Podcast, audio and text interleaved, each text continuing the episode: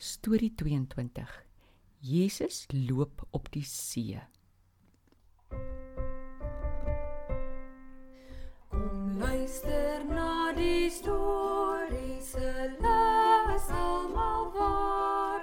Al wil jou hart kom aanraak, so maak jou daarvoor klaar. Hallo Tobias. As ek mag vra, wat doen jy? Hallo Tannie Karen. Ek probeer ook na een dien staan. Dis nooit luk. Daddy, dit laat my nou dink. Het Jesus iets gedoen toe hy op die aarde was dat regtig moeilik is? Mm, ja. Hy het een keer op water geloop. Nou jok Daddy seker. Regtig? Het Daddy 'n storie daaroor? ja, dis regtig waar. En ja, ek het 'n mooi storie daaroor. O, fantasties wonderlik. Vertel dadelik. Tobias, net nadat Jesus die brood so meer gemaak het dat vreeslik baie mense daarvan kon eet, het hy vir sy disippels gesê hulle moet die boot vat en oor die see vaar na 'n ander dorp.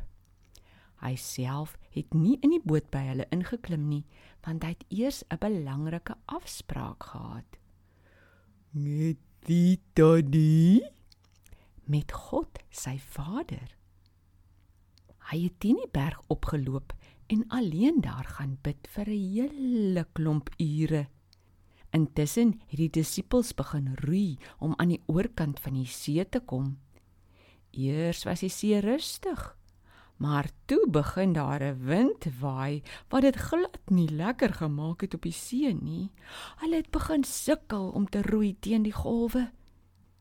Hier kort by dagbreek, dis mos wanneer dit so effens begin lig word, maar dis nog lank voor die son opkom het hulle omtrent so 6 km weg van die land afgeroei.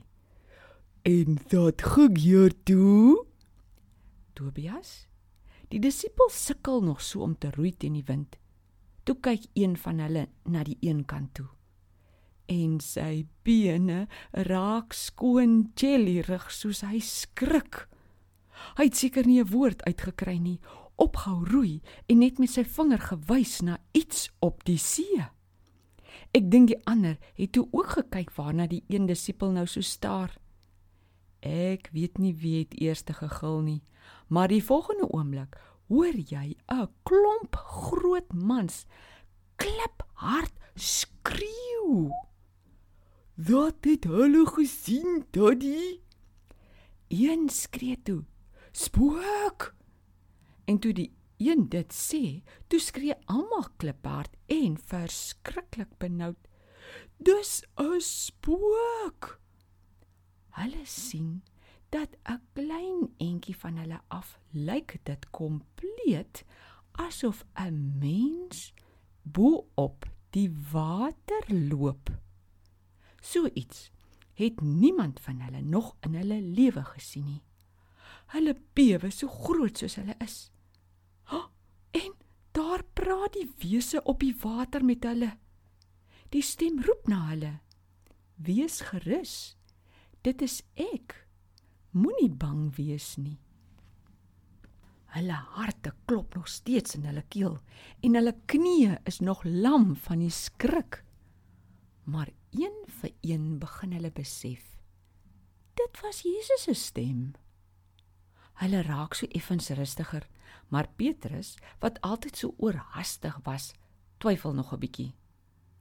Maar tog wil hy glo dis Jesus. Hy vra toe 'n vreemde ding. Dat Daddy? Petrus roep terug oor die water. Here, as dit regtig U is, Sê my ek moet op die water begin loop na U toe. Jesus antwoord hom toe sommer dadelik. Kom.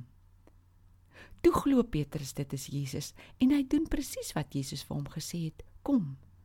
Hy swaai sy een been oor die kant van die boot, sit sy voet versigtig op die water, swaai sy ander voet oor die kant en sit daai voet ook op die water. Hy sink nie. Hy staan. Hy gee een tree en nog een en nog een en nog een totdat hy amper by Jesus is. Maar toe maak hy 'n fout.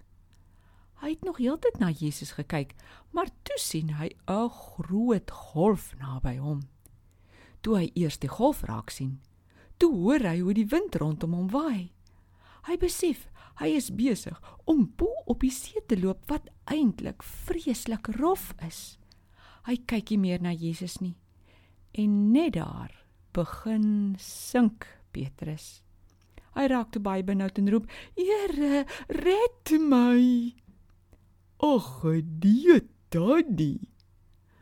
Toe maar Jesus gryp toe dadelik Petrus se hand dat hy nie dieper in die water in wegsink nie. Maar Jesus was teleurgesteld. Hy vra toe vir Petrus: "Hoekom is jou geloof in my so klein? Hoekom het jy begin twyfel dat ek jou op die water kan laat loop?" Toe kyk jy eerder na die wilde see en nie na my nie. Hy hou vas toe Petrus se hand totdat hulle albei veilig in die boot sit. Toe gaan lê die wind ook sommer en die see raak rustig. Daddy, ek het nie geweet ons Jesus is so wonderlik dat hy selfs op die water kan loop nie. En hy sou vir Petrus dit ook laat doen. Fantasties. Wonderlik. Tobias, sy disippels se monde het oopgehang en so een vir een het hulle op hulle knieë afgesak en voor Jesus gekniel en gesê: "U is regtig die seun van God." Daddy, ek sukkel om op een dien te staan. En hy Jesus lood songer op die water. Ek wil ook sê U is regtig die seun van God. En nou moet ek dadelik die stories ringai ngaai gaan vertel. Ek sien dan die ander dag. Wonderlik. Gaan vertel die storie mooi oor. Totsiens Tobias.